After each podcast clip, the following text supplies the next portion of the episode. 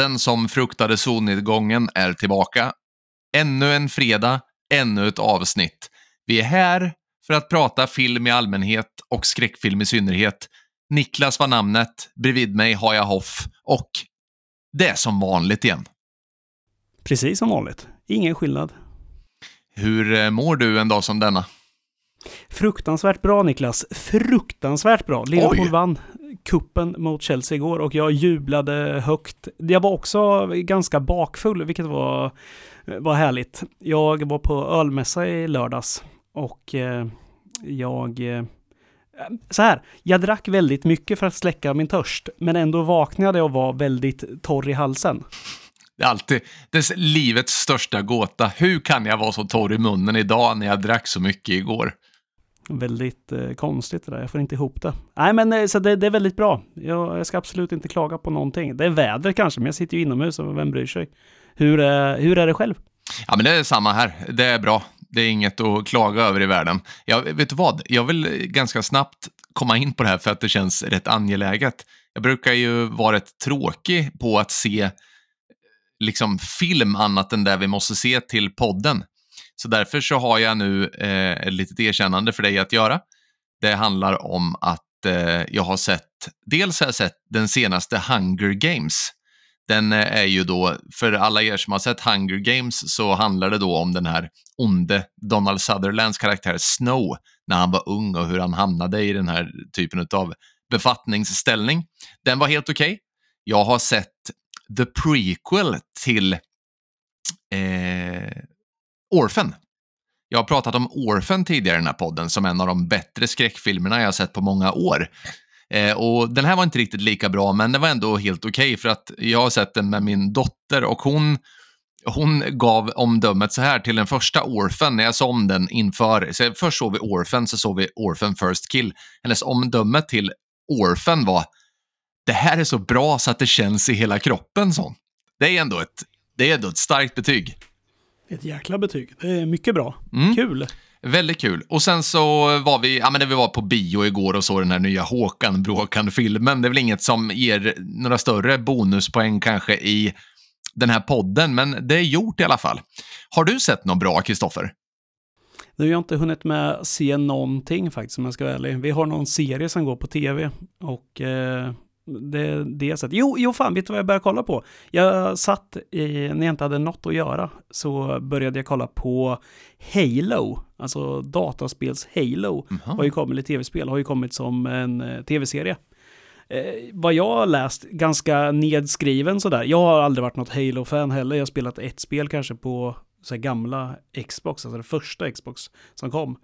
Men ja, fan, jag tyckte det var rätt småtrevligt ändå. Väldigt så här bra lyckat eh, adaption av just dataspelet kändes det som. Alltså det känns verkligen som ett dataspel fast i, i eh, serieform, vilket jag gillar. Nej, jag tycker att den är schysst. Kan också vara skönt med något så här återkommande IQ-befriande, bara att ligga och, och, och liksom, du vet, sväva iväg till. Det kan vara rätt härligt. På tal om IQ-befriat, alltså vi, vi måste komma med ett erkännande här känner jag. Eh, och jag vet att du också vill det. Ja, Det är ju så här att jag tror att, alltså det är ju flams och trams, det är, det är ju vårt signum lite i den här podden. Alltså vi pratar skräckfilm, men eh, minst lika mycket, eller kanske till 80%, 90% någonstans, så är det mest flams och trams som eh, bedrivs här. Och det gillar ju vi. Interna skämt och eh, så mycket flams det bara går egentligen. Men, men det här kan ju också bli väldigt konstigt för att vi har ju en del i podden nu sista, ja men vad kan det vara? Kan det vara sex avsnitt kanske? kanske något Något sånt, sånt. ja. Mm. Där vi på förhand ger varandra en mening du måste yttra under avsnittet. Ja, men precis. Jag- vill bara komma in och säga, det det där är ju, det där är ju också en mening som man, man måste försöka få in på ett naturligt sätt. Eh, och och den här, det är bara en mening, en mening var som vi inte själva har tänkt säga utan som den andra har sagt att vi ska säga. Och då ska vi försöka få in den så obemärkt som möjligt, hur dum den än är. Ja, och det var väl lite där parallellen till IQ-befriat kom in här. För att eh, tro mig, jag förstår att ni alla tycker att vi är kanske rejält korkade ibland här. Men eh, riktigt så här korkade är vi faktiskt inte. Inte alltid i alla fall. Så att det, den här meningen som kommer, den, den brukar ofta ha något eh, som inte har något alls att göra med varken filmen eller vad vi pratar om. Men Nej. på något sätt ska den lyckas vävas in i alla fall. Så det är kul. Har, har man inget för sig och bara vill grotta kan man försöka backa några avsnitt och försöka hitta de här meningarna. Men eh, det kommer yttras fortsättningsvis också, för vi, vi finner det här väldigt roligt tillsammans tror jag. Det är väldigt, väldigt kul. Och som sagt var, den här fil eh, filmen, ja, den här podden är väldigt mycket, det är väldigt mycket filmsnack och vår kärlek till skräckfilm är monumental, men det är roligt också att få skoja och skratta och tramsa lite också, så att den här podden kommer förhoppningsvis vara den bästa av två världar även framåt. Men håll gärna lite utkik efter de här meningarna för att de är, ja, det, det är så dumt. Ja, det är ohyggligt dumt, men eh, det är så det ska vara också. Ofta blir det en nöd, ett nödvändigt skratt och en liten paus i när det, för, när det håller på att bli för seriöst ibland. Då måste man få skratta av sig lite. Så, är det verkligen. Så är det verkligen. Och till dagens avsnitt så har vi faktiskt sett en film som Ja, men den är inte alls sådär. Om vi har skrattat åt Reanimator och vi har skrattat åt eh, Slumber Party Massacre och diverse dumma skräckfilmer så har vi här en film som vi inte kommer kanske skratta lika mycket åt för den är rätt ruff. Den här filmen Southbound från 2015 som vi har valt att se till dagens avsnitt. Är det här en film som du hade sett tidigare? Nej, inte alls. Det här eh, som vi har pratat om flera gånger innan, det, när vi väljer film, det är inte alltid som att man sitter och har ett uppslag och bara känner att "Du, den här har jag funderat på länge. Utan den här gången gick det väl till så att vi egentligen bara öppnade några streamingtjänster vardera och bara satt och sa vad ska vi se för någonting? Och så följde på den här. Ja, Utan eh, det var liksom ingen eh, tanke bakom. Det var ett pentagram på, på framsidan, på omslaget. Och Kan- det kan triggade väl båda lite. mm. Nej, det kändes rätt kul. Alltså det är en sån här antologifilm också. Och eh, det gillas. Du eh, har ju talat dig väldigt varm om Trick or Treat Mm. i podden Mm. några gånger. Och eh, ja, men det finns ju rätt många. Just, jag skulle nog säga att eh, skräckgenren är den som innehåller flest antologifilmer av dem, vad jag vet i alla fall. Jag kommer inte på särskilt många andra som eh, har så här små historier, för att vi har ju både, ja men kanske mest känd, alltså kan det vara Tales from the Crypt kanske, Creepshow, Mm. Eh, Twilight Zone kanske ska räknas in där också. VHS, vilket även är en av regissörerna till denna film. Eh, Bodybags av Carpenter, tror jag bland annat. Mm. Den pratade vi om att vi skulle se till och med någon gång. Ja. Vault of Horror. Tales from the Dark Side och kanske den här gamla, är det, är det Corman som har gjort den? Den här Studie i skräck va? ja, just det. Som är också en så här, Mm. gammal som gatan. Men, ja, men det finns ju, det där är bara en, hand, alltså en handfull av dem, men det finns ju hur många som helst. Och det är ju ett jäkla trevligt fenomen alltså. För att eh, du behöver inte sitta helt investerad i tre timmar liksom och se en film, alltså så många filmer. Utan du kan liksom bara se 15 minuter och sen pausa och göra något annat, slå på nästa del och så vidare. Jag tycker det är rätt härligt. Jag tycker också det och jag tror att en anledning till att det är just skräckgenren som har de här antologifilmerna är att ja, men, en spökhistoria så att säga kan du ju berätta på, på nolltid. Det är ju klassiskt så här när man har suttit vid elden i, på så här diverse konfaläger eller, eller andra typer av läger. Så här, man har suttit och dratt de här rövarhistorierna som har bara varat några minuter. Det är svårt att göra med en kärlekshistoria liksom. Eh, det är ju det, det är ett optimalt format, skräckfilmen, för den här typen av upplägg alltså. Den här har ju, den här har ju fem stycken va? Fem segment. Ja, tror jag. Mm. En, två, tre, fyra, fem. Japp, det är det. Och alla utspelar sig i eh, den amerikanska södern. Och riktigt ute på vischarna är vi ju här. Det, ju inte, det finns ju inga städer till och med, utan den närmsta stad vi hittar är en skylt som säger South bara. Liksom, det, det är som att, var befinner vi oss? Jo, men vi befinner oss South. Mm. Någonstans bara. precis. Och det kan ju också vara annat än geografiskt. South of Heaven, som Slayer säger. Mm, ja, precis. Det här är ju, det är ju givet att det är helvetet vi, är, vi ja, kommer befinna oss i. Ju Ja. längre in i filmen vi kommer. För att det, det råder inga tvivel, mina damer och herrar, om vart vi befinner oss. innan vi drar iväg, jag, jag, vi ska stanna, vi får nästan så här, ge varje del lite tid med regissör och så vidare. Men vet du vad? Jag har i, eh, på sedvanligt maner här förberett en liten limerick som nu ska kunna berätta i korta drag vad den här filmen handlar om. Är det okej okay för dig att jag drar den? Fire away. Fem historier om synd och skam. Om gärningsmän, hämnare och offerlamm. Här behövs nattvard, bikt och dop, för det är uppenbart att de fastnat i en loop i formen av ett pentagram. Mycket bra. Det är så härligt. Det där var ju inte en mening som jag har sagt till dig, utan det där har jag skrivit helt själv Niklas. Du är väldigt duktig. Väldigt duktig med papper och penna. också härligt att det är papper och penna också. Det, det, det, det sjuka är att jag tror faktiskt det är papper och penna du har använt. För jag tror inte du skriver det här på datorn. Ja, så bläck, en fjäder med bläck har jag och sen ett, ett, ett, ett papyrus som jag skriver på. Du känns ju väldigt analog. ja, det, ja, ja, tack. För det är jag nog tror jag. Ja, ja, det var, det var positivt. Det var komplimang. Ja, men du, jättebra. Det där eh, berättar ju precis faktiskt vad vi har att eh, göra med. Vi, ska vi hoppa till den första filmen? För att mm. eh, det första segmentet som heter The Way Out i regi av någon slags eh, litet eh, något så här filmskaparteam, alltså som de kallar sig Radio Silence, har, ligger bakom även de här eh, VHS-filmerna, vad jag förstår det som.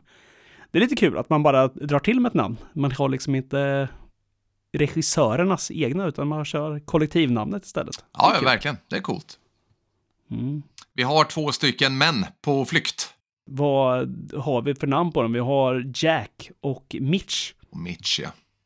Och det här, eh, de eh, åker omkring där i sin, eh, ja men i sin rätt skitiga bil och vi ser ju på dem att de är ju rätt förstörda. Någonting har hänt. Det, det framgår väldigt tydligt utan att, det, utan att det sägs någonting egentligen. De sitter och tittar på dem, väldigt tomma blickar.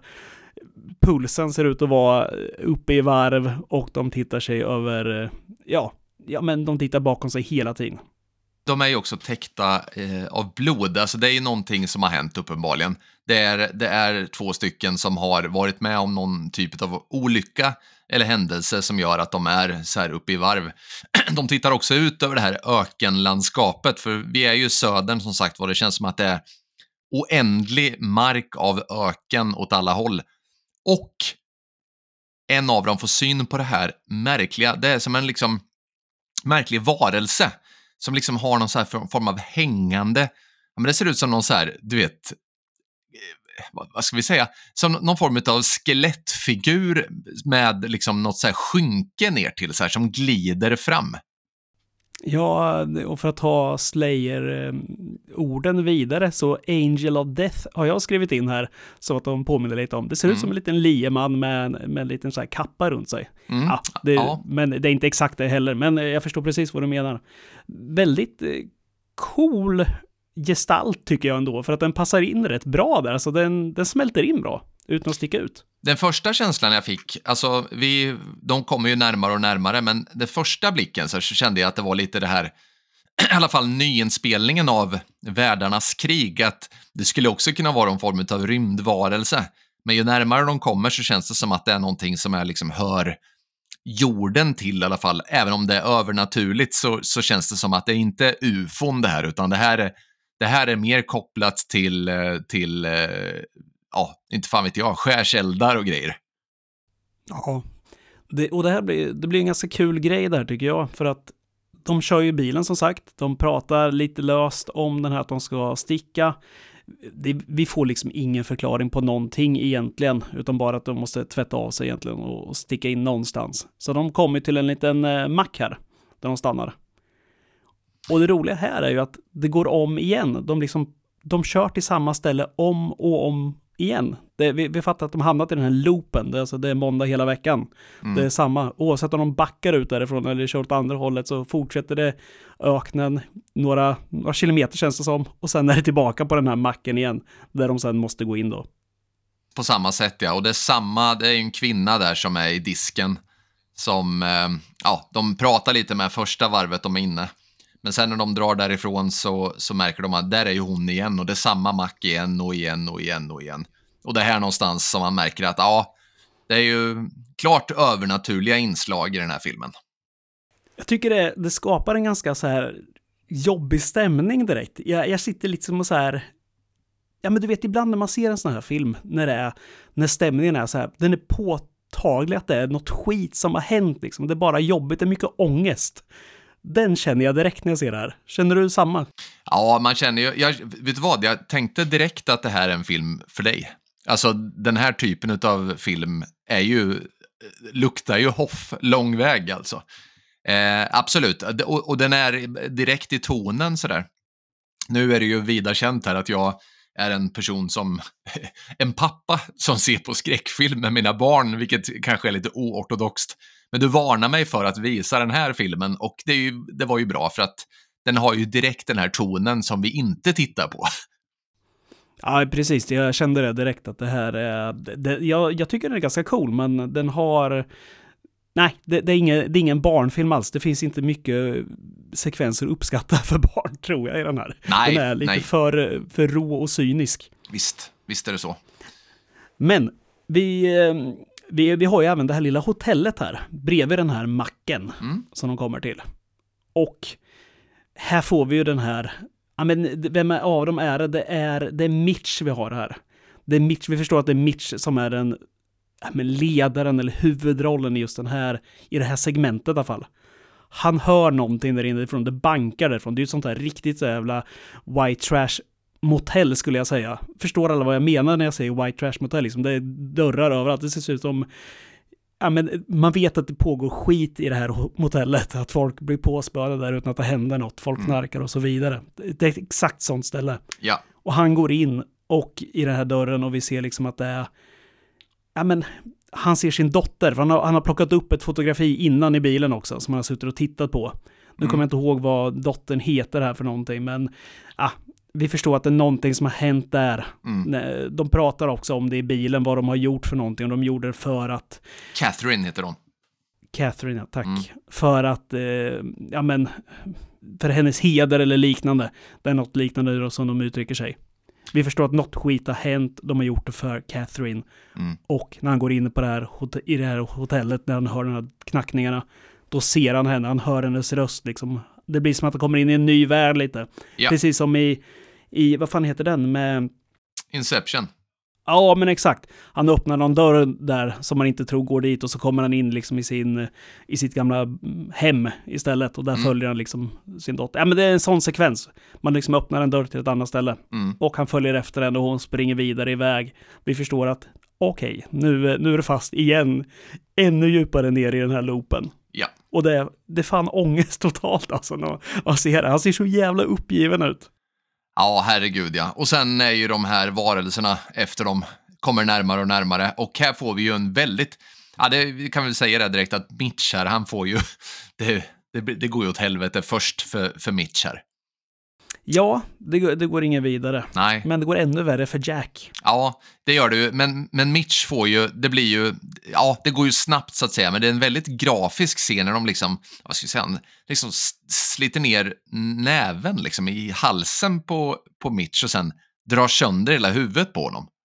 Är inte det Jack? Som får- Nej, Mitch är väl den blonda va? Jag trodde det var tvärtom där. Men skitsamma då. Nej, men, nej, men du, det måste vi ta reda på såklart. Nej, det är, det är helt fel av mig. Jag, fan, jag minns det som att det var han som var Mitch. Fel. Jack, ingen annan, får hela, jävla underkäken avsliten mer eller mindre. Så här vrålbrutalt också, liksom. Den bara lossnar, liksom allting. Man ser liksom så här... Eh, men du ser ju liksom den nedre tandraden sitta kvar, men resten är borta. Det är så jävla otäckt. Ja, det är en Men otroligt scen. snyggt också. Mm, ja, ja, för fan. Det är ju, alltså, det är, den här filmen innehåller mycket gore, det måste man säga, och det är ju välgjort liksom. Jag tycker innehållet går på, på rätt nivå för att göra den här eh, för att få till den här tonen också. Att den ska vara obehaglig. För att om du spär på mer går än det här, då kommer det gå över. Så att den blir som, ja men du vet, braindead eller liknande istället. Mm. Så, här. Mm. så det är för mycket. Mm. Men här lägger sig på den nivån som att det fortfarande är så här, fuck alltså, det är så otroligt dålig stämning i den här filmen. Mm. Ja, verkligen. Och så skrattar jag lite. Ja, ja, det gillar du. Dålig stämning. Nej? Jag ty- Ja, det gör jag fan. Det är det bästa jag vet. Nej, det är otroligt. Det är otroligt. Men eh, ja, Jack, Han råkar illa ut och våran, eh, ja, polare Mitch där, han, ja, vi får väl utgå från att han lever vidare i den här förbannade loopen. Ja, precis. Han, eh, ja, vad som händer med honom framgår inte riktigt. Nej, vi, det som är schysst med den här rullen tycker jag, det är att den på samma sätt som, vad ska vi säga, Yrrol. Alltså Yrrol tar sig framåt, den svenska filmen Yrrol Mm. alltså. Den tar sig framåt via att varje sketch avslutas på något sätt och nästa liksom går hand i hand med den. Det kommer en, jag tror de har någon sån här tennisboll som någon gång slås ut från en tennisbana och bara studsar vidare. Till slut studsar den upp, eh, rakt upp i, i Fifi på Susanne Reuter och så börjar Mm. nästa scen. Ja, alltså det, det är ett bra sätt att bara ta det vidare på. Ja, Och likt så har ju den här eh, Southbound har ju samma sätt också. Inte på samma komiska sätt, men på, i den här öknen liksom, nu kommer ju nästa. Den, en bil passerar, nästa film börjar. Vi följer dem istället. precis. Ja, Jag tycker det är snyggt. Så att, eh, men eh, ska vi göra så här? Vill du, eh, det kanske är roligt att ta några ord efter varje film, tänker Mm. jag, för det blir så Mm. mycket att prata om i slutet. Vad, vad, vad tyckte du om den här? Vad tyckte du om början liksom? Vad, fick du några så här, ja men är det här vi har att jobba med? Fick du några förväntningar på resten av filmen? Eh, nej, men jag tycker att eh, den här filmen, den första filmen, ja, men, så, som sagt, tonen sätts ju an i den här första filmen. Det är ju, det är ju exakt samma ton i stort sett alla filmer sen. Så att där är vi ju. Här är det ju, som, som liksom den här loopen då indikerar, så börjar inte den här historien någonstans. Utan den här börjar ju i, mitt i en, alltså gå in i en loop så börjar det ju, alltså det blir lite så här, du vet, du slängs in i någonting bara. Eh, det, finns liksom ingen start, det finns inget slut i den här filmen, utan du slängs bara in. Och eh, det är ju schysst, det är ju snyggt gjort såklart. Sen så tycker jag att eh, i och med att du är i den här loopen så får du lite mer andra historien här. Var med lite mer från början. Eh, inte exakt vad som har hänt, men du får liksom följa de här liksom mot sitt öde på ett annat sätt. Ända tills du kommer till slutet igen, där det liksom blir jäkligt abrupt slut då, i och med den här loopen. Men jag tycker ändå att det, det, är, en, det är en cool idé och det är en, eh, en rafflande start och man är ju med såklart och investerad, även om jag inte tycker att den första delen är närmelsevis bäst, så är den ändå eh, liksom signifikant för tonen tycker jag. Jag tycker också att eh, den inte är den bästa. Jag tycker sällan faktiskt att i så här antologifilmer att den första delen är den bästa. Det, de, jag fattar ju att, liksom, att man vill ha en så här, ja men en liten trigger för att nu ska du titta vidare så här, men det är väldigt ofta den filmen ändå är så här, ja men, ja, tre av fem liksom, men så här, den har ändå, den har ju ändå en cliffhanger som gör att man måste titta vidare. Mm. Man vill ju se vad det Mm. vart det här ska ta vägen. Men, men jag gillar verkligen stämningen och eh, jag tycker faktiskt skådespeleriet är väldigt bra också. Jag gillar de här. Jag, jag, de här ser verkligen tärda ut de här två herrarna Ja, de. som, som kör. Och så gillar jag det här att det är ganska nedtonade, de här effekterna. Det är så här, bra effekter brukar jag säga, de som liksom inte syns, som man inte tänker på. Det ska vara så här, sen finns det ju, alltså du kan ju ha mastodontfilmer där du skapar, ja men du vet så här i Sagan och ringen typ så här, de här enorma elefanterna liksom som springer omkring. Alltså de är svinsnygga, men de sticker ut ändå, du tänker ju på att de är eh, datagjorda. Mm. Men jag tycker det är såna här, liksom när man tonar ner de här flygande, eh, ja men, dödsänglarna som jag valde att kalla dem, Mm. då tycker jag det funkar väldigt bra. Liksom. Det är inte där fokuset ligger ju inte, absolut inte på att det här är en effekt, utan de bara är där. Mm. Det är liksom ingen så här, ah, de, det kunde lika gärna varit så att de hade haft dem på liner egentligen. Ja. Men nu är det så pass snyggt eh, CGI gjort att det ser riktigt schysst ut. visst. Nej, de tycker jag är bra och jag gillar verkligen utformningen på den. Jag, det är en stor... Det är ett bra betyg att göra en sån här och, och få till dem så att de verkligen är så här. De sticker inte ut på, på att man tänker så här, men fan, ser den där ut? Vet, de har gjort för stora ögon eller för stora huggtänder och så vidare, utan här är bara så här, fan, det ser obehagligt ut, jag undrar vad det är för något, jag vill se mer av den där. Mm. Och vi får inte det, det, det, det är väldigt bra. Nej, precis. Det är inte mycket. Alltså, möjligtvis att du får se dem fler, vid fler tillfällen, men du får inte någon större förklaring. Liksom. Men det verkar ändå lite som att, jag får i alla fall tidigt känslan av att det här är, ja men du vet, så här klassisk då, eh, teologi. Du hamnar i dödsriket när du dör. Eh, skärselden är ju från början tänkt för att ha en renande effekt på dig innan du kommer in i himlen. Eh, men de som är fördömda hamnar ju inte ens där så att säga. Då tänker jag den här Jack då, till exempel, är så ett tecken på att ah, men det, du är förlorad. Så här. Men för de här andra som blir fast så kanske det finns någon form av så här, botgöring i det hela. Det, det är lite den känslan jag får. Mm. Det känns också som att eh, de karaktärer vi kommer ha att göra med, de som går åt direkt, de är ju liksom så här, de är ju kanonmat. Mm. Sen har vi de här som verkligen har syndat ordentligt. Mm. De ska fan vandra den långa vägen i loopen. Så är det verkligen. Men du, det för oss in på del nummer två här.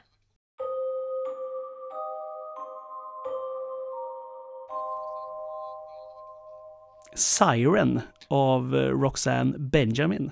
Och där måste jag säga att eh, där kanske vi är på den del som jag fastnar mest i, som jag tyckte bäst om. Det handlar ju om den här, eh, det här bandet, det här jazzbandet som är på vägarna för att leta efter sin, eller leta, de är på väg till sin spelning. Åker i en klassisk så här, hippiebuss, en sån här folkabuss liksom. Det gillar man ju. Man gillar alltid bussresande musiker. Det gör sig alltid väldigt bra på film tycker jag. Det, alltså vi har det i Almost famous där det är kanske bäst gjort någonsin. Men även i den här andra, Little Miss Sunshine, de bara åker i bil och har det, bara sitter och snackar. Mm. Jag gillar den typen av film, alltså. Den, ja, delen. Men jag gillar också att det är tre tjejer som eh, åker där och att de inte är så här, det är inget, inget så här rockband, för det är väldigt lätt att det mm. skulle vara ett rockband som mm. gör det här.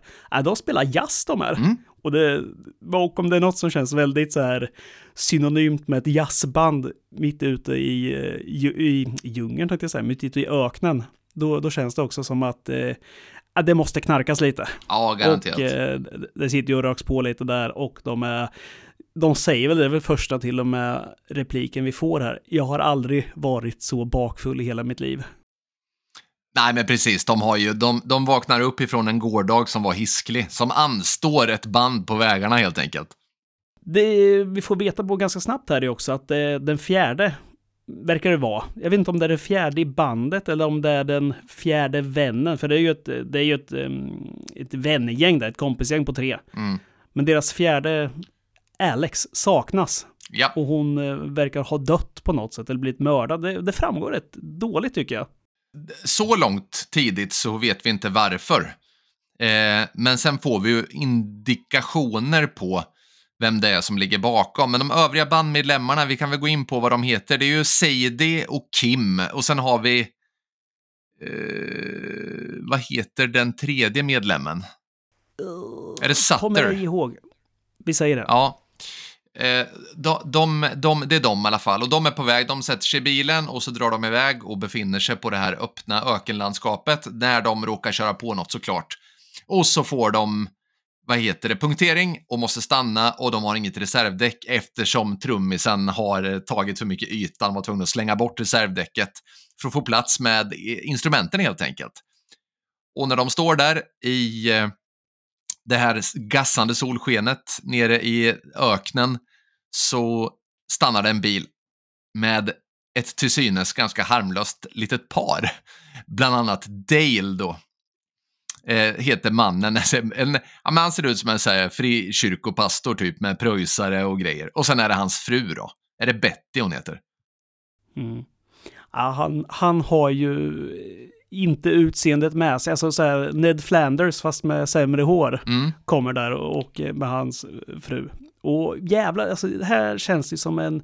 Det här har man ju sett 10 000 gånger i skräckfilm. Mm. Alltså punktering och det kommer förbi en bil. För att det, den här vägen är ju hur lång som helst. Det finns inte en bil, inte en stad inom synhåll och GPSen är givetvis utslagen, funkar inte alls. Nej. Det kommer inte komma mer bilar oavsett hur mycket två av tre i det här kompisgänget säger så här, ja ah, men vi väntar på nästa, mm. det är mm. lika bra, vi, det kommer fler, har ju redan börjat dricka bärs igen då, ja. och vila lite där.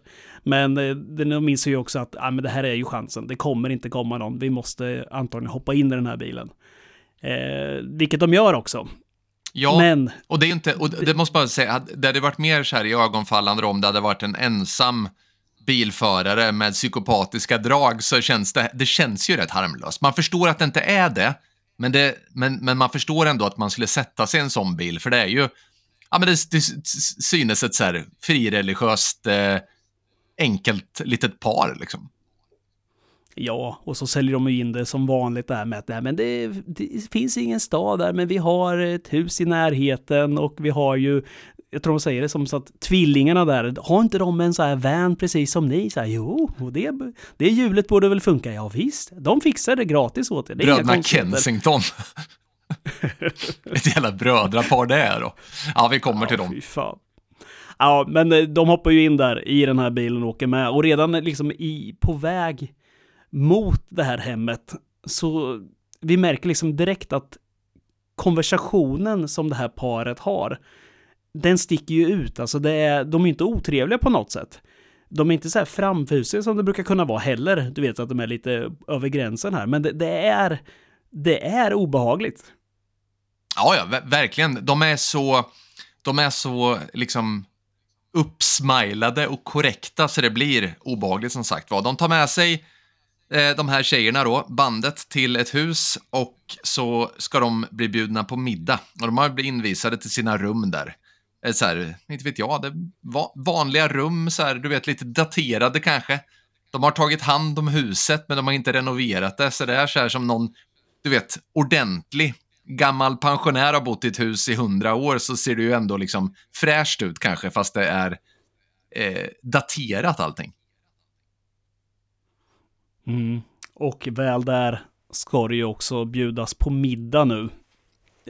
Det, det, här är också helt sjukt att de bjuder ju in de här, det, det här bandet då. Mm. Det här paret bjuder in bandet och de nämner även också att vi har gäster över ikväll.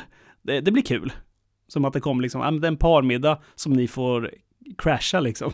Vilket är lite konstigt kan man tycka redan här. Men det är inga konstigheter där. Utan då kommer, om vi tyckte de här var konstiga, det här paret, så deras vänner, de, de spelar i nästan en annan liga skulle jag säga. Kensingtons helt enkelt. Ja. Pappa och mamma Kensington och sen är det bröderna Kensington då. Ett, ett tvillingpar som sitter och gör allt exakt samtidigt. Ja, och de, de har det här brödraparet, man ska inte vara elaka som sagt om utseenden alltså, men de har de har en blick eller ett sätt som skapar rejält obehag alltså, för de säger inte ett ord och de sitter liksom och de har så här bakåtkammat hår på ett obehagligt sätt. De, de får ju liksom Anthony Perkins att verka liksom eh, snäll och stabil.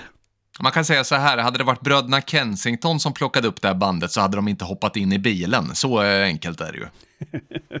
så är det, så är det. den här maträtten de bjuds på också, vad är det för sörja som ligger på det här bordet? Köttlimpa eller något va? Ja, det, men eh, nu äter ju inte jag kött förvisso, men skulle du säga att det där ser inbjudande ut? Eh, du äter ju ändå kött, liksom. Jag menar, det ser ju för jävligt ut. Jag skulle där, säga att eh, Seidi, hon, jag, jag, tror inte att Seidi egentligen är vegetarian, men hon säger att hon inte äter kött för att slippa äta den där skiten. Eh, men de andra två tjejerna, de käkar, smakar och tycker att ah, men det här var ju riktigt, riktigt gott.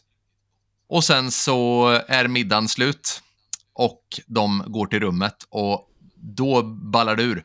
Då blir de först lite personlighetsförändrade. Det är också då först som den här Kim i bandet börjar säga åt Sadie här att eh, hon saknar Alex och att det var synd att hon, ja men på något sätt så här hintar om att det är Sadie som ligger bakom Alex död i det här fallet då.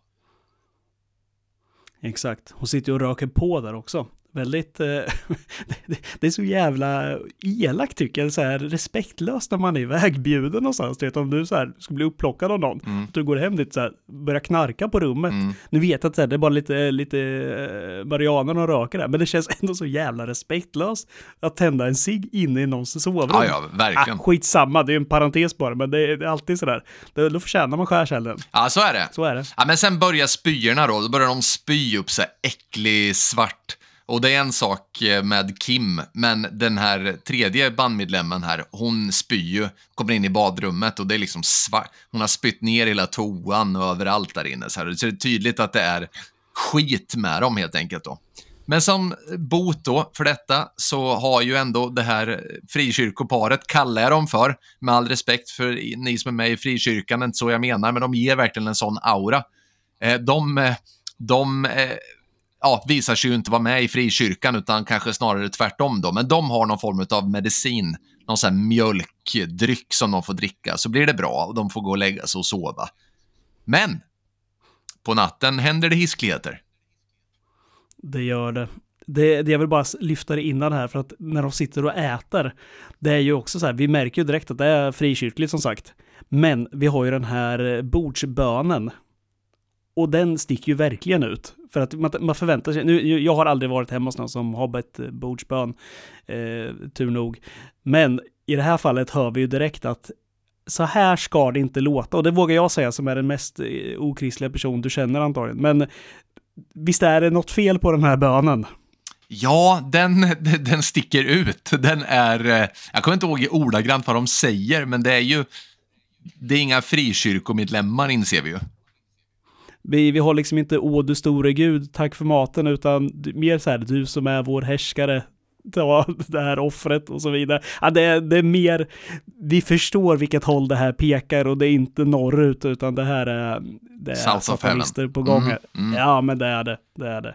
Och eh, ja, men när natten kommer här, det, då blir det tråkigheter för att eh, ja, var, ska man, var ska vi börja ens? Det, det, det spårar. De här två, de här två damerna som har eh, spytt galla, de är helt förändrade. Mm. Ja, men precis, de går och lägger sig, det är väl värt att säga det. Och, och, och den här eh, Sadie, hon tittar ut genom fönstret en sista gång innan sovdags och då står ju bröderna Kensington och tittar på dem. Väldigt obehagligt. Men så drar de för persiennerna och sätter sig vid sängen med en kniv som försvar.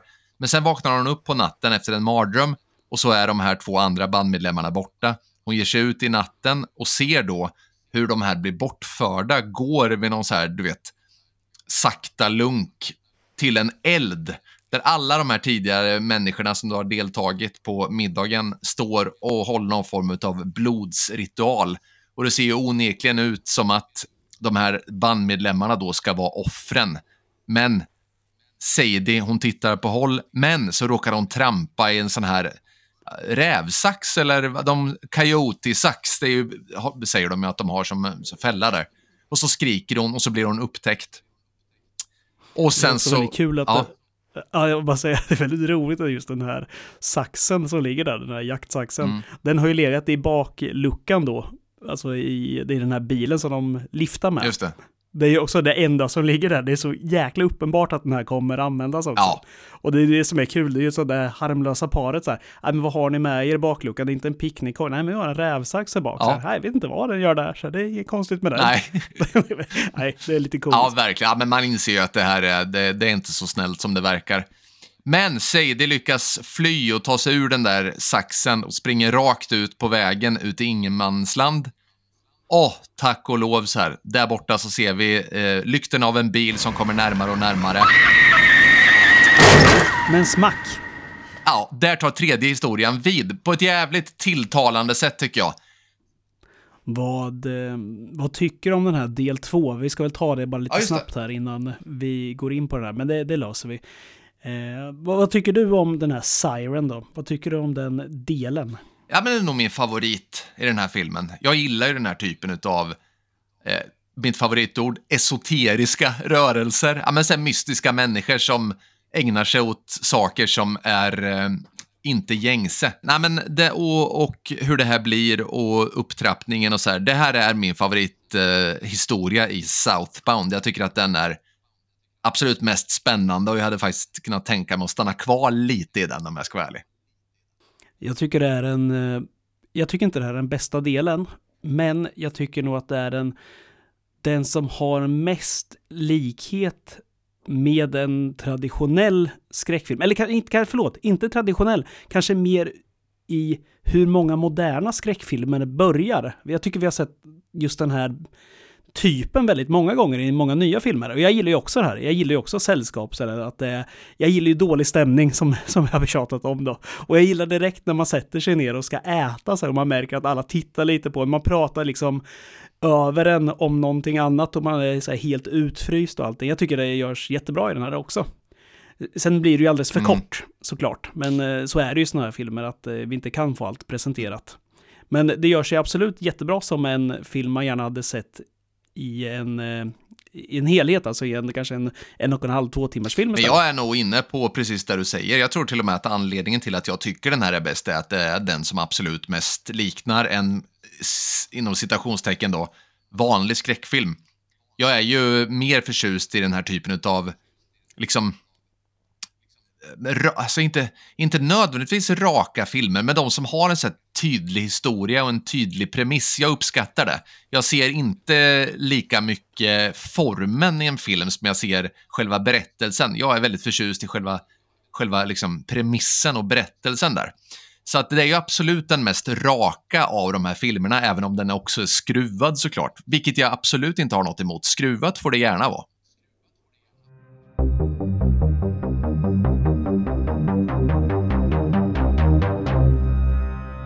Men du gjorde en eh, bra sak här. Du tog oss in direkt i del nummer tre som är The Accident av David Bruckner. Också en av de som har gjort, men jag tror han har gjort den här The Ritual som den heter.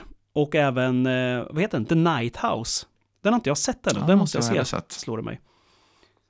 Det här ska jag säga direkt är min favoritdel i denna antologi. Föraren sitter ju, föraren som heter Lucas sitter ju och pratar Facetime med sin fru. Och tittar inte upp eftersom det finns inget att titta upp på på dessa vägar. Och smack så kör han över Sadie något så inåt helvete. Stannar bilen, går ut. Jag spyr ju på folk som pratar i telefon eller fipplar med telefon i bil. Jag blir vrålnervös när detta sker. Säkert för att jag inte har körkort själv och kan inte förstå hur man kan sitta och göra det här. och då går det alltid som det går i filmer också. För att det här är ju, ja, men det är ju den största synd du kan göra i en film, antagligen. Titta ner i din telefon när du kör mitt ute i natten.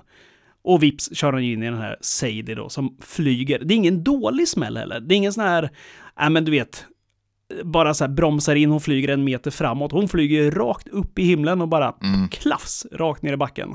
Och framförallt så gör det jävligt ont. Alltså själv, det är inte ofta man säger så här, ah, det är att man kollar så här, men jävlar här känner man så här, jävlar alltså, det där kan Nej. inte ha gått bra. Det där Ja, måste precis. av. Men, men, men icke! För hela det här avsnittet bygger ju på att hon inte riktigt dör där, eller ja, vi kan komma in på det sen och hur det ska tolkas. Men det här eh, tycker jag är vrålbra, för att han, mitt ute i ingenstans där, jag kan tänka mig att det här kanske är också, alltså det är helt jävla otippat. Det tar ju, det tar ju ett tag. Han lägger ju på liksom i lite lugn och ro, chockad antagligen så här med sin fru bara, du, jag måste ringa upp dig sen. Något har hänt. Och sen tar det lite tid innan han ringer, ja men 112 då. Men han ringer 112 och det tror jag är nyckeln här. Men han ringer 112 och hon ger ju, hon, hon liksom, visst det är ju mest gutturala läten för det är uppenbart, det finns ju inte ett ben i kroppen som hänger ihop och, och liksom det är blödningar överallt ifrån. Men han baxar ändå in henne i bilen för att han måste ju ta sig till ett sjukhus med henne. Så att han lyfter upp henne, lägger henne i baksätet och sen börjar han köra och kommer in i en stad där han då ska leta. Han har den här 112 då, eller 911 på luren och lotsas in i en stad, hittar ett sjukhus, kränger ur henne ur bilen och springer in och, och hamnar då i det här, ja men också jävligt ödesmättade, tomma sjukhuset, för det finns ju inte en käft där. Ja, ingenting. Det är så att det är lämnat liksom, att något har hänt, det har bara gått upp i rök. Allt som, alla som jobbade där, det står på någon radio, mackor ligger kvar på någon tallrik liksom. Det känns som att något har hänt här, men ingen finns kvar. Ja, men utspilt kaffe och allt ja. Ja, och den här rösten i telefon, alltså larmoperatören, är ju lugn och ändå är så här, ja men, du, ja, men som hon har lotsat honom in hit och hela tiden bara så här, men kolla pulsen, ta med henne in, försök hitta någon här inne som kan hjälpa till. Och han bara så här, there's no one here! Han börjar få panik där. hon bara, då, då måste du göra det här själv, för du måste lägga henne på den här britsen då, alltså operationsbordet. Du måste hitta det här Ja, men vad kallar man det? Hon, hon börjar ju liksom, hon får ju, kan ju knappt andas där. Hon måste få en så här, fan jag är dålig på uh, Man säger läkekonst. rör i halsen liksom. Ja men exakt, in med en sån här eh, plastslang liksom ner i, ner, och så, så att hon ska kunna andas igenom. Och det här blir ju så äckligt. För han ska, dels är han ju vrålstressad, han springer omkring med en helt blodig skjorta när han springer och hon bär ju henne fortfarande. Han försöker förklara hennes tillstånd. Det här är det äckligaste i hela filmen tycker jag. När han försöker säga så här, men hon har hon andas svagt, det är mest gurgel. Jag tror att hennes ben är brutet. Då filmas benet som är helt plötsligt bara så här. Det, och det är inte brutet bara, utan det är liksom, ja men det lossnar ju fan helt. Det hänger kvar i två små Mm. strängar där. Det är så jävla äckligt ljud och grafiskt så det finns inte. Och sen liksom upp på det här operationsbordet bara, kör ner den här slangen, in med händerna först, liksom, man bara trycker in sina händer i det här gurglande munhålet där. Och hon biter ju tag där också och bara, nej men pressa ner slangen och man bara, fan det här är äckligt alltså. Ja, det är vidrigt.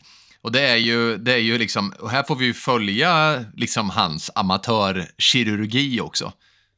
Men, men och, och, och det är ju inte bara det, när det är färdigt sen och som sagt benet har lossnat och sådär. Ja, men hon har ju uppenbart liksom punkterad lunga. Och hon håller nu på att kvävas för att hon har blod liksom i, sin andnings, i sina andningsvägar upp i munnen. Så då måste han liksom lägga ett snitt under revbenen och föra upp handen och så här, ja men, squeeza lungan. Alltså sprutar det blod ur hennes käft och upp i hans ansikte och så här. Så att det här är ju absolut den mest goriga eh, delen. Ja, jag gillar just den här biten att under det här samtalet nu, precis efter att liksom slangen har gått ner i, svalget då, så att de ska kunna få luft, då kommer de ju på det här som du var inne på med att du, du måste faktiskt lägga snitt och operera själv. För att vi hör ju att i samtalet, i telefon, så kommer ju så här en annan röst in. Vi, vi, först har vi ju larmoperatören då, vad vi förstår det. Sen kommer ju även bara Hallå, jag är kirurg, jag har lyssnat av det här samtalet, du kommer behöva lägga ett snitt här, två centimeter så här långt, gräv dig in, kör in handen, ta tag i lungan.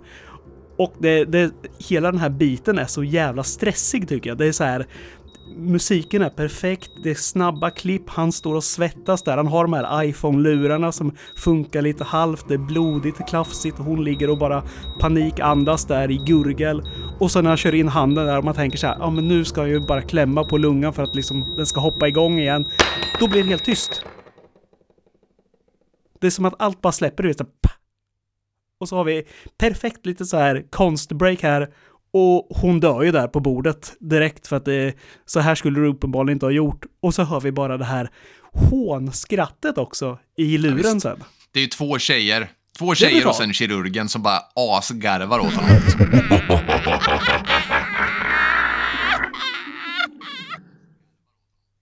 Det är så jäkla bra tycker jag. Det är så effektivt. Det, han är så jävla utlämnad där. Han bara står där och bara, fuck de här, ja men eh, vad ska vi kalla det liksom, demonerna eller eller, ja, jag vet inte vad vi ska kalla det som har liksom, som har jävlats med dig. Som bara är där. Och du står där liksom bara i panik så här, det ligger ett lik framför dig. Vad har jag gjort för någon? Det finns ingen här. Och så har du de här i lurarna också av, av allt. Ja, det är så brutalt. Han står där liksom, vad fan ska jag ta vägen? Vad händer? Och han vrålar ju åt de här att "Ja, men, eh, jag förtjänar inte det här, säger han ju. Nej, gör du inte, säger de. Du som kör bil och tittar på telefonen och inte ser vad som händer runt omkring dig. Det är ju otroligt där också, för att det är ju precis som du är inne på, att han får det här alternativet nu liksom att ja men förtjänar inte, ja, man tycker fortfarande inte han gör det. Då fixar de en ny bil till honom, en ny skjorta och sen är allting egentligen som att det här aldrig har hänt. Förutom då att det här kommer leva kvar i hans skalle för evigt garanterat. Och han kör iväg, vi ser den här, ja men Angel of Death svävar omkring där över den sjukan. Eller vid sidan av bilen. Ja, Jag tycker det är mästerligt, jag älskar den här biten för jag, jag fattar liksom att hade det här varit en film, en långfilm, då hade det här varit så jävla bra grej bara bygga på att det här är något som lever kvar i honom nu i all evighet. Den här ångesten och skuldkänslan. Jag tycker det är, ja, det är fantastiskt. Och hela det här gåret också. Men jag, jag tolkar det också som att han får, som sagt var, han, eh, först kommer han ju inte ut ur sjukhuset, men sen så hjälper de ju honom och han får en exakt likadan svid som han hade på sig innan. Hans bil som var täckt av blod och skador från olyckan, den är ju liksom som, en, han får en ny bil som är exakt likadan, och sen kör han iväg och får leva med det här. Men han får ju ändå en chans till. Och jag tolkar det som att det är lite för att han trots allt har gjort bot. Hur, efter sitt fel som han gör, så gör han ju allt han kan för att ställa det här till rätta igen. Han gör allt så här som står i hans makt. Så jag tolkar det som att det är därför som han ändå kan åka iväg. Visst, präglad säkert av det här för resten av livet, men han är ändå så att säga, han är ändå på fri fot.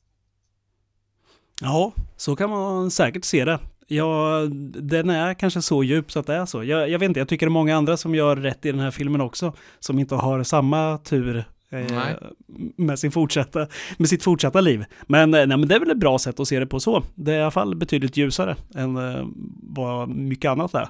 Ja, ja verkligen. Ja, men han, han kommer undan, men jag tycker väl att, alltså, ja, jag vet inte. Det känns ändå som att många andra har, ja, men de har gjort värre saker än vad han har gjort. Eh, även om vi inte vet exakt vad hon i förra, förra eh, filmen där, om bandet, vad hon hade gjort. Ja. Har du något annat du vill tillägga just kring eh, detta segment?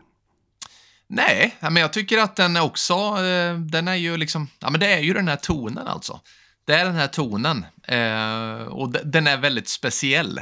De har fått till den, även att det är olika regissörer så där, så är det ändå på något sätt så fattar man att de passar under samma, samma tak, de här filmerna. Ja, och det, det säger ju något bra tycker jag, för att eh, just tonen, det finns ju olika toner av dålig stämning och eh, alltså mörker. För att alla de här avsnitten har sin egen, eh, sitt eget sätt att beskriva just mörker och liksom skärseld.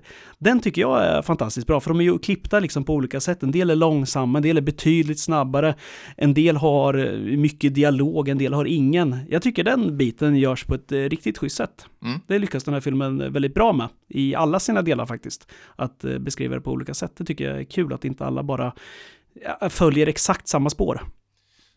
Och den här är ju, alltså den är ju, den är ju också, ja men det är nästan så här som man får ta sen, men det är ju ändå en känsla av obegriplighet som hänger över den här filmen. Alltså, det, det är ju, den är ju lösryckt. Alltså det är samma tema på ett sätt, men den är lösryckt. Och hur jag än vänder och vrider på det lite så här, så är det, det, är ändå, det är lite svårt att få ihop alla delar. Men, men, men då brukar jag göra så att i, ehm, när det är den situationen, eller rätt situation, och när liggande stolen inte funkar, då brukar min sista utväg vara Pythagoras sats och det är då för att se ett samband mellan sidornas längder i en kvadrat. Eh, men inte ens det funkar den här gången för mig tycker jag. Nej, men det, det har funkat innan eller? Ja, men det, jag, tidigare så har det gjort det, absolut.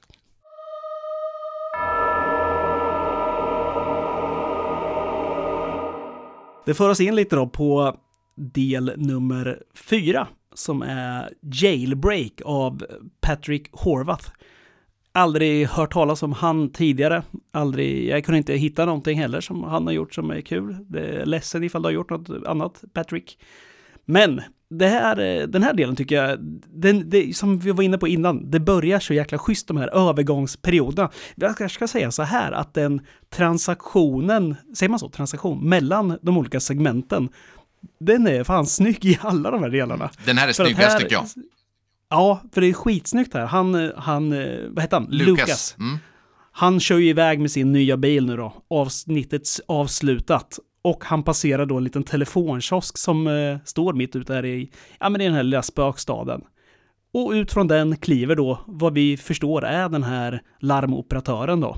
Den tanten, damen. Ja, det, det är mästerligt. Det är så jävla snyggt. Ja, det är faktiskt den snyggaste övergången som, som vi har i den här filmen. Jag, jag gillar den här delen också. Jag, jag gillar mycket av den, ska jag väl säga, för att jag gillar det här att de är kvar i den här stan nu, som vi har kommit till, den här spökstan. För att hon går in på en riktigt jävla sunksylta. Det är någon liten så här bar som finns där. Mm. Jag tror baren heter Trapped om jag inte kommer ihåg fel här. Mm. Det, och det finns väl ett skäl till att den heter så också. Här inne sitter ju ett riktigt rövgäng, alltså man kan ju förvänta sig att det skulle vara bottenskrapet när man eh, ser vilken stad det är och du förstår vad som har hänt redan innan. Men det är än värre nästan när man kommer in där. För det ser ut liksom så här, ja men du vet det är stora feta truckers som sitter där, säger ju inte ett ord så här. Bartendern säger inte ett ord och är ganska dryg. Väldigt kul att det är för övrigt elektrikern från Orange is the new black. Det var den enda skådis jag kände igen som ja, är bartender. Just det. Han är härlig. Mm. Och där kommer hon in och börjar härja lite. Men precis då så smälls ju dörrarna upp och in kommer en man som är lite så här hysterisk och pekar på dem med sin hagelbrakare. Han är eh, på jakt efter någon. Eh, han är inte där för de frågar, de så här, ja, du vet inte vad du gör så här, om du försöker råna det här stället liksom. Ja, men det är inte det han är ute efter, utan han är på jakt efter en eh, tjej som heter, är det Jessica eller? Nej, kanske inte. Ah, skitsamma. Helt oviktigt. Systern fall till honom. Ja, han är på jakt efter henne och han, eh, han är eh, då, eh, ja men han, han är aggressiv, han står med hagelbrakaren och ropar och vrålar, så visar upp en bild på henne. Bartenderna säger, ja men henne har vi sett. Så. Eh, och så blir han då angripen, den här mannen, Danny då som han heter, med hagelbrakaren, av en av de här stora truckersarna. Och han skjuter honom och den här truckern då visar sig vara någon sån här typ av halvdemon själv ju. Ja, för det här blir lite oklart var vi är någonstans i filmen. För som jag minns det så har vi alltså åtta planeter i vårat solsystem. Nu, nu minns jag bara jorden, Delos, Pluto och det, äh, det är inte det som är det viktiga. Nej. För det här är ju ingen, det här är ju ingen riktig människa det här. Utan det är ju, det är någon så här avgrundsvrål liksom när han, Danny, vänder sig om så här, Så står en snubbe med en stor klo i handen. Det ser för jävla härligt Ja, ut. det. Det, är ju den här lekfullheten som man älskar, alltså den här skaparglädjen. Ja, det är precis som i, du vet, i From Dust to Dawn, första gången någon byter, eh, alltså förvandlas. Mm.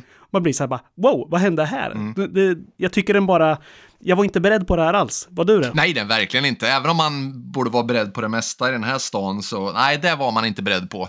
Men han blåser ju handen av den här snubben då och det, ah, det är ju på något sätt, han, han ger sig iväg i natten, för det är evig natt som det känns här, eh, med den här bartendern då som ska visa vart systern befinner sig någonstans. Han har ju jagat sin syster i 13 år också, eh, lägger han ju till. Så det är en jäkla lång tid och alla, alla bevis pekar på den här stan. Det är liksom allt han har. Det var här hon senast eh, sågs, eller ja, han har fått vetskap om det. Ja. Men det här, här blir det ju väldigt konstigt. Hans plan går lite sisådär. För den här bartendern tar han genom en lönndörr in på någon slags, ja, ska vi säga klubb kanske? Ska vi kalla det för det? Det känns som någon här kombination mellan bordell och tatueringsstudio typ. ja, det gör det verkligen. Det, och de som sitter där inne, var de förtappade redan på det här lilla syltan innan, så sitter de ju här och har liksom, det finns ingenting kvar. Alla ser ut att vara lobotomerade som sitter där inne. Förutom då, den här lilla tatueringsstudion där hans syster sitter uppenbarligen och sitter och gaddar någon. Och det ser ut att, den här gadden ser ut att vara någon slags, ja, jag kan inte mycket om okulta symboler här, men eh, jag misstänker starkt att det här ska ha någonting med det att göra. Ja, för den där tatueringen, eh, alltså som hon gör på ryggen på en snubbe där, den har bartendern på handen och kan genom sin hand och det tatuerade ögat som det handlar om då, någon form av allseende öga, så kan han se och, och göra grejer. Och hon har den också på handen. Så den har någon form av magiskt eh, inflytande på dem. Hon vill ju absolut inte lämna det här stället. Det förklarar för honom att han borde inte alls letat efter henne. Det här, det här hon hör hemma. Men han vill inte lyssna, utan han släpar med henne ut. Och de kör iväg i den eviga natten. Ja, han blåser skallen av den här bartendern innan också. Men eh, iväg kör de. Och nu går det undan. Det här är ju obehagligt. Alltså, köra ut i, i den här öknen, ut i natten där. När det är liksom kuperad terräng. Ingen riktig väg och med dåliga helljus. Ska vi tilläggas. Och hon som bara sitter och säger vad du än gör, stanna inte. Ja, men precis, för att själva landsvägen tar slut och det finns bara liksom terräng att köra och de kör. Eh, och, men det går ju inte, liksom, för att hjulen håller på att lossna. Liksom. Det går inte att köra snabbt i den typen av terräng. Så de måste stanna. Och det var dåligt. Att stanna alltså. Mycket dåligt. Ja, det, här, det blir väldigt tragiskt där för att vi hör ju, alltså det blir så jävla mörkt för att hon berättar ju då liksom så här för honom att så här, men du får inte stanna här, det kommer gå åt helvete, bla bla bla bla. Och så säger hon liksom, de pratar ju om varför hon har försvunnit och då nämner hon ju det här med att så här, ja men du skyller på mig för att, eller du tycker det är mitt fel att för, våra föräldrar dog, tror jag hon säger. Och han säger ja, nej, nej, och ja. Men man märker väl kanske att det är lite ändå, att han tycker att hon kanske har lite skulder där. Och så förklarar hon där, man, man förväntar sig inte riktigt den, den förklaringen, för hon säger bara så här, jag visste precis vad jag gjorde, jag ville döda dem. Ja, men verkligen. Och då förstod, ja, någonstans här känns det ju som att, ja men hon är, hon är i sitt helvete. Ja, hon är i sitt helvete och på något sätt så, så... Ja, jag vet inte hur jag ska tolka det, för att hon får ju inte riktigt plikta för det hon har gjort. Hon är ju en del utav det här helvetet bara. Och, och där, där är hon fast. Lite som kanske eh, Jack då. Nej, inte Jack. Mitch från första filmen eh, blir kvar. Så har hon blivit kvar. Men ja, det är lite svårare tolkat. Förmodligen så bör man inte tolka. Det, allt kanske är övertolkningar bara. Men hur jag eller tänker hur? att de sitter som någon slav där till de här demonerna liksom. Ja. De sitter där och gaddar liksom, och, men lever inget vettigt liv. Allt. Nej. Hon, hon syndar och bot, råder bot på det sättet liksom. Nej, jag vet inte. Det är så jag tolkar i alla fall. Han eh, blir i alla fall, bilrutan slås sönder och eh, den här stackars Danny blir utsliten ur bildörren. Skriker på sin systers hjälp. Det går inte. Han är fast hos... Ja, men det här är lite annan eh, liksom struktur på de här demonerna, för det känns mer som ja, men typ orcher avklädda, liksom. Så här, ja, men lite så här klassiska filmdemoner som liksom står och sliter och drar i Danny och gör väl processen inte kort utan lång och utplånande med honom ute på steppen där. Ja, här ska det ju dras ut på det. Han ska ju liksom, eh, han ska ju lida. De är ju väldigt lika, jag vet inte om du tänkte på det, men jag tycker de är extremt lika de här eh, själarna, alltså demonerna vi har i den här andra vi såg, A Dark Song. Ja, Kommer du ihåg ja, de går ner där? ja. De ser exakt likadana ut. Det ser ut som de har badat i vetemjöl liksom innan, helt vita så här och sen är bara filsingarna liksom. Mm. Och står där och liksom bara håller fast honom och drar lite smått i honom. Mm. Man, man förstår bara att här är du fast och det kommer inte gå bra för dig. Nej, precis. Nej, han blir, han blir och även den här Talk to me som vi såg när vi fick en insyn i den här pojkens öde i dödsriket. Så ja, men det känns lite, så där blir det nog för Danny också tyvärr. Ja, Danny förtjänade inte det där. Jag vet inte riktigt vad han har gjort för att förtjäna det här, men dit ska han. Nej, men precis. Och vi vet ju inte, det är inte alla vi vet vad de har gjort heller, utan det är bara så här små indicier på att något har de gjort i alla fall. Ja, men där tar den slut i alla fall. Hon kör iväg. Hon lämnar ju honom där, kör iväg. Och man tänker så här, ja, men eh, ska du inte hjälpa honom? Så här, nej, hon ler lite och drar igång radion med en liten sång Mm. och kör iväg. Det är mörkt. Ja, det är mörkt. Det var, det var inget bra att leta efter systern helt enkelt. Nej. Vad, några ord om denna? Nej, men alltså det är ju... Det är väl det som... Alltså mitt problem med den här filmen är, alltså utifrån vad jag uppskattar för film, det är så man, man, man slängs ur den här handlingen precis när man så gärna vill veta. Jag vill ju veta lite mer liksom.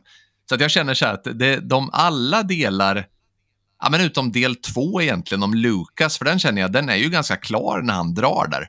Men de andra känns lite så här ofärdiga och det blir lite frustrerande samtidigt för mig. Men det, som sagt, den är ju engagerande. Det är ju liksom, det är ju, det är ju det är spännande. Man skulle vilja veta liksom mer bara. V Vart är de? Vad händer? Vad gör de? håller helt med just det här eh, ordet frustration, för att det, det är verkligen det jag känner också, att man verkligen så här, vad fan, va, va, varför åkte han hit och va, varför ska han nu lämnas till det här ödet? Det förtjänar han inte. Eller gjorde han det? Äh, jag vet inte. Men jag, jag gillar verkligen den här biten med det här att man väver in mänskliga demoner som har liksom någon slags så här attribut som en stor klo på handen. Eh, som den här killen inne på baren där som bara vrålar. Jag tycker det är härligt. Jag gillar ju den typen också. För det, det den bryter verkligen, ja, du pratar jämt om att bryta magin. Den tycker jag verkligen gör det i den här filmen också, Mm. i just det här segmentet. Men jag tycker det gör det på ett bra sätt, för att det, som jag pratade om innan här, med att det blir, kan bli lite för likt annars, med mörker och sånt där. Det måste hända någonting. Mm. Så tycker jag den här gör det på ett ganska lekfullt sätt, just den biten. Mm. Sen hittar den inte sin ton alls, det här segmentet. Jag tycker det, det här är det spretigaste vi har. För att det blir för mörkt i slutet mot att vi har haft den här killen och han har stått med, det är någonting när du står med eldvapen vapen på något sätt och sen ska ha mörker. Jag kan inte få till det riktigt. Det är snabba skott och så här eh, händer som skjuts av och sånt i, i det rappa takt som det görs. Det passar dåligt med en för mörk ton. Det, det landar dåligt hos mig. Ja, men det blir ju så actionsegment och att alltså, du, du lägger an känslan av att skjutvapen kommer inte funka här, de kommer inte hjälpa dig.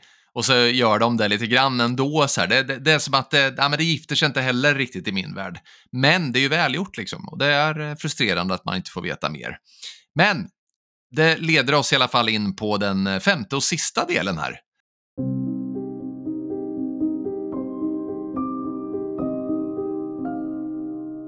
Om den här lilla familjen som ska ta in på ett motell som då är mm. grannrummet med det rum som den här systern då går in i helt enkelt. Så får vi ta vid där. Och den här heter ju The Way In. Den första heter ju The Way Out. Den här heter The Way In och är gjord av samma då, Radio Silence. Ja, det är en liten familj. Det är eh, mamma och det är pappa och det är dotter och de heter eh, så mycket som, eh, ja, nu har jag tappat namnet på dem där, men vi har Daryl som är pappan och vi har, eh, ja vad heter de här andra? Heter hon Kim? Jem heter hon. Jem heter hon ja. Och nu kommer jag inte ihåg vad frugan här heter, men det, det, spelar föga roll. Så, så sagt, för att det, det är dotterns sista vecka hemma innan hon ska börja, ja vad är det, college? Eller liknande. Ja, flytta hemifrån ska hon i alla fall.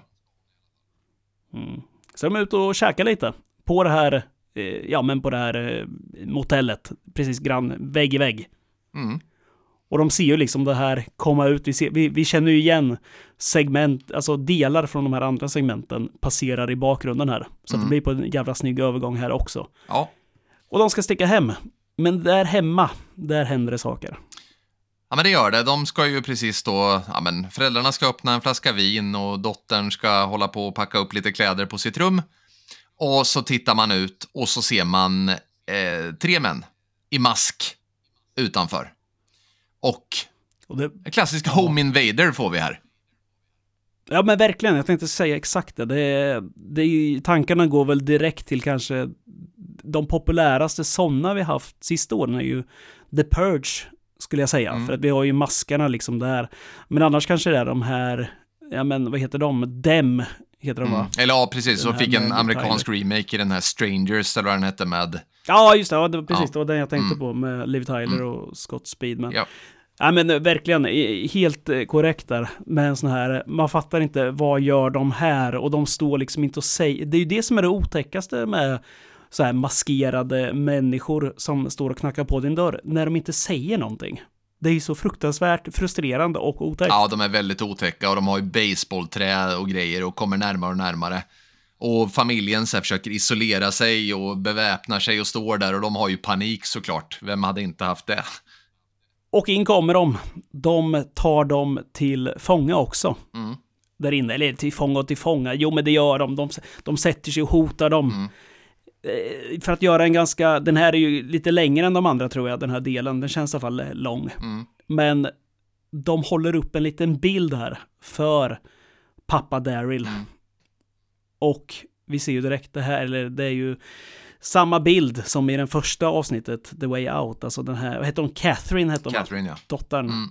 Vi ser direkt den och så ser vi bara att den ena av de här maskerade viskar något i fruns öra. Mm och hon blir väldigt, väldigt bestört. Hon hör någonting som hon inte förväntade sig höra om sin man. Så skulle jag säga. Nej, den stora syndaren i det här gänget är ju pappan i familjen helt enkelt. Och det är ju mm. trots allt så att det blir ju, ja men det blir ju tyvärr så mamman får ju någon form av, vad fan är det, någon socka eller någon sån här halsduk eller någonting nedtryckt i käften. Så de, det är ju väldigt brutalt också. De bara står och mosar in tyg i käften på mamman tills hon kvävs och dör. Det är ju fruktansvärt obehagligt faktiskt. Ja, och får den och sen får de en kniv i magen också. Det också, de, ja, precis. Stendöd. Han väser ju, det är första orden vi hör där. Det är ju faktiskt en eye for an eye, mm. säger han till pappan. Mm. En av de här maskerade. Och vi förstår ju direkt liksom den här pappan har gjort något skit där. Ja. Den här Catherine är ju inte gammal. Vad kan hon vara så här, ja men sju, åtta år eller liknande. Ja. Är, man vill inte ens spekulera i vad som har hänt där känner jag, utan det är liksom så här, fuck det här är, det är mörkt så att det räcker. Mm. Eh, något har hänt och han liksom ber ju på sina bara knän liksom skona min familj. Mm. Men som sagt, hon får ju en eh, socka i munnen och en kniv i magen. Mm. Så att där är det slut för henne. Mm. Ja, men precis. Men, Men- dottern är ju kvar och dottern hon lyckas ju dra och dra på billarmet utanför och sen så, ja men hon är ju lite rådig sådär, så hon lyckas ju så övermanna en av de här killarna och dra ett baseballträ i huvudet på honom. Eh, hon sätter väl någon kniv Ja. i ryggen på honom också va? Ja, hugger någon med en sån här liten, eh, det är ju jävligt brutalt. Det är ju en, vad, he, blablabla, vad heter den, sån här champagnekork, en champagnekorkskruv Ja, just det, va? precis, en sån är det ja.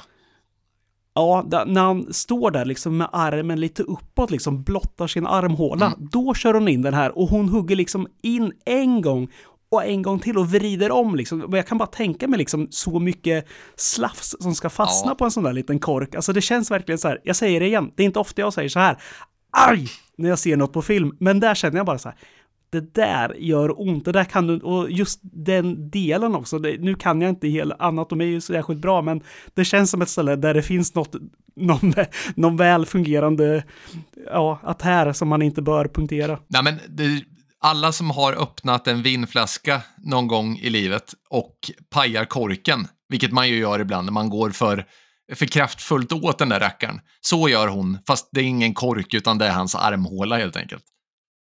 Och sen försöker de fly där. Man, man såg ju lite ljus i den här tunneln då och tänkte att nej, men hon ska väl klara sig nu och fly och på något sätt ska det hända något skit. Men icke sa Nicke. Där hon springer ut, då står en norm och väntar och han trycker kniven i henne och hennes liv är också över. Ja. Det är ju också för att hon, hon får ju ett erbjudande om att dra dock, men hon väljer att komma tillbaka för att försöka rädda pappan. Men det skulle hon inte ha gjort. Ja, det skulle hon inte gjort. Här får vi ju dock också nu då. Nu knyter vi ihop säcken. Mm. För att det visar sig när de plockar maskarna av sig nu då, så ser vi, ja men det är ju från första filmen, det är ju Mitch, det är Jack, plus att vi har en tredje förövare med oss också. Mm. Och här är nu är det mycket ångest inblandat för att, eh, att hon, Jem då, den här dottern skulle dö, det var inte riktigt planerat. Men gjort är gjort, det var i stridens hetta, det var det som hände. Men nu ska de dra därifrån bara. Och här, nu- här är det ju dödsmörkt. Alltså det här är så mörkt så att till och med jag tycker, alltså just den partiet fram hit tycker jag är så mörk så att det är liksom i likhet med, med eh, ja men Speak No Evil och liknande liksom. Det är riktigt jävla mörkt det här. Och man tänker så här, vad fan, ska det sluta så här liksom? Mm. Men men, här eh, ändras det lite ändå, för nu, nu öppnar sig jorden. Ja, och upp kommer de här demonerna. Eller, den här är någon typ av demoncracken som tittar upp. Ja, men det är väl typ Cthulhu eller liknande här, för det är tentakler som kommer och Ja. drar ner den här kanonmatan, mats tredje förövaren Mm. som inte har fått namn på ens. Nej, Han går åt. han går åt. Han dras ner till helvetet, bokstavligt talat. Eh, och eh, nya såna här gropar med eh, Cthulhu-crackens öppnas. Men Mitch och Jack, de hoppar över och sätter sig i bilen och så drar de eh, i panik. Så att de undkom tillfälligt där, för vi vet ju sen i början på filmen vad som väntar för de här två herrarna. Ja, det, om inte annat så vet Mitch precis vad som väntar för att de, när de drar iväg härifrån så kör de ju faktiskt över en sån här Angel of Death-sak också. Mm. Han, eh, Jack trycker gasen i botten och bara, "Ja, men, och den klafsar mot eh, rutan och så dunkar till. Vi ser inte riktigt vad som händer. Men han tycker att han har gjort något bra här, kommit undan den. Men så ser vi liksom när de kommer ut på stora vägen, då ser vi att Mitch tittar bakåt och han ser ju liksom att en sån här flyger över öken. Mm. Han vänder sig lite mot Jack. Och Jack sitter ju där, han är ju bestämd på att de har kommit undan liksom, han förstår det. Mitch har väl insett här att fuck, nu, det, och det är ju så här filmen börjar också, att fuck, jag är nog fast nu, det här är inte bra, vi kommer behöva plikta för vad vi har gjort. Ja. Och han kollar på Jack, men säger ingenting. Jag tycker det, det är mästerligt också. Han säger inte ett ord där till honom, han bara vet det. Det här är, det är början på slutet nu. Så är det. Verkligen. Ja, men, och det är väl hela den här filmens, jag vet inte, Det känns som att man kanske gör ett misstag om man ska börja tolka allt för mycket och sådär. För att Eh, jag är inte allt säker på att det alltid finns en tanke eller mening med allting som händer. Men det är ju tydligt i alla fall att eh, hämnd leder bara till mer hämnd och blod. Som det faktiskt funkar på riktigt att liksom våldet eller liksom blodet och det onda, bråda, döda, det stannar inte upp förrän någon är villig att liksom eh, förlåta. Eh, utan eh, så länge som man ska hämnas och fortsätta våldsspiralen så finns det liksom inget slut annat än en, en loop bara liksom. Så är det. Det finns, jag såg någon annan sån här film som heter Triangle, jag vet inte om du har sett den? Nej. Den, eh, någon tjej på ett skepp som också upplever, ja men det blir så här måndag hela veckan, du vet, filmen går om Mhm. 27 000 gånger känns det som. Mm. Inte svinbra, men eh, den hade också eh, samma typ av att hon bara körde runt så fick man mer och mer info hela tiden. Mm. Jag kan ändå uppskatta den biten lite. Eh, Den hade inte så här olika segment, utan den följer ju hela. Men ja, fan, den här alltså, det, jag kan inte bestämma mig riktigt. Jag tycker den har eh, väldigt eh, höga toppar och väldigt djupa dalar. Det, den är för ojämn den här alltså. Det, jag kan inte sätta fingret på allt hela tiden heller. För jag, samtidigt som jag inte ens jag vill ha det för mörkt så, Eh, så blir det jävligt spretigt alltså. Det, det, är, det är svårt alltså. Jag kan inte sätta ett bra betyg, för man vill ju gärna betygsätta en hel film och inte bara segmenten i sig. Men, nej, men jag, jag tycker nog att den här eh, The Accident, alltså den här på läkarbordet, när han ska operera, den tycker jag är strålande. Men det hade ju inte funkat som en långfilm antagligen, just den biten. Då hade man ju behövt dra ut på det och då kanske inte hade alls blivit lika bra. Men som kortfilm funkar det väldigt bra. Då tycker jag det är en stark fyra. Medan jag tycker kanske att den här Jailbreak eh, är en svag tvåa någonstans. Och de andra är väl kanske treor, eh, tycker jag. Men jag, jag skulle nog säga att det är kanske en, en svag trea den här filmen. Någonstans där. Perfekt att se bara om man har lite tid över och inte ja, men känner att man kan ta en, en liten paus här 15 minuter in i filmen och bara fylla på lite mat eller dryck och så vidare. Men eh, kommer jag se det igen? Nej, det kommer jag inte. Jag tyckte det var kul under tiden. Men jag tycker det är kul också att det är olika regissörer som får göra det här som någon slags Ja men du vet, så här, reklam för mig. Det här är vad jag kan göra med film. Så känns det lite. Som ett, en uppvisning. Mm. Ja, men jag, jag, som sagt var, jag älskar så här antologifilmer. Jag tycker att det är ett ypperligt bra upplägg. Jag tycker att den här filmen är väldigt välgjord, den är välspelad och den är kolsvart. Eh, och den har absoluta förtjänster. Det är liksom inte en eh, dålig film på något sätt. Däremot så blir det lite den här känslan av otillfredsställelse för mig. Liksom att jag, men som jag varit inne på, jag gillar ju, jag tycker en stor del av filmen är just berättandet och twister och upplösningar och liksom eh, att det ska vara lite mer rafflande. Jag fattar att det är meningen vi ska ju vara i den här loopen, men det, den här loopen gör också att liksom jag, jag liksom inte ätit, det är som att någon sli, sliter undan början från min hand hela tiden så fort jag har tagit första tuggan. Så här. jag, får, jag får liksom inte, jag får inte den här liksom, tillfredsställelsen som jag vill ha efter att ha sett på en film. Så, så med den lite så här beska eftersmaken så måste jag ge en tvåa. Men det är inte en tvåa av fem som de här tvåorna av fem som är för att du har sett en film som absolut inte gör något intryck överhuvudtaget. De här filmerna som du ibland ser och bara känner åh, det där var ju slöseri med tid. Nej, absolut inte. Eh, Snarare för att det känns eh, som att det var lite synd på så rara ärtor att jag inte kunde få mer. Eh, så känner jag efter den här filmen. Det är bra. Kul att vi inte hade exakt samma betyg då. Det var ändå eh, närheten. Ja, Men men, så, så jag väntar fortfarande på första filmen när någon av oss ger fem och den andra ger ett. Det vore ju... Någon gång ska det hända. Ja, men vi ser ju inte konungens återkomst i denna podd, så det är väl därför. Nej, nej, precis. Vi kanske skulle göra det, bara göra ett avbrott och, och, diskutera den filmen. Ja. ja, men detta var väl allt för idag. Jag tror inte vi har bestämt ens vad som blir nästa veckas film och det är ju faktiskt roligast att inte säga det så att ni faktiskt måste fortsätta lyssna utan att kunna hoppa över ett avsnitt. Eller ha något att se fram emot för mycket. Det, det jag tycker däremot man ska göra nu när ni vet om det, det är att ni kan väl försöka hitta den där meningen som vi sa. Och ni kan ju gärna posta det också så här, i kommentaren om ni vill det, om vi lägger upp avsnitten någonstans. Det är kul om någon hittar det. Och tro, det är väldigt roligt om någon gissar fel också. Tycker du så här, att du säger att ta burgaren från handen, till exempel, är din, är din mening. Det är väldigt roligt. Det roliga Jag här, kommer för, för evigt nu förknippa att di- din skärseld är att du sitter och äter hamburgare och någon kommer och tar den av dig hela tiden. Det kommer vara, det, alltså det är det värsta straffet du kommer ha. Det kommer jag se framför mig. och vet du vad, vet du vad din skärseld är?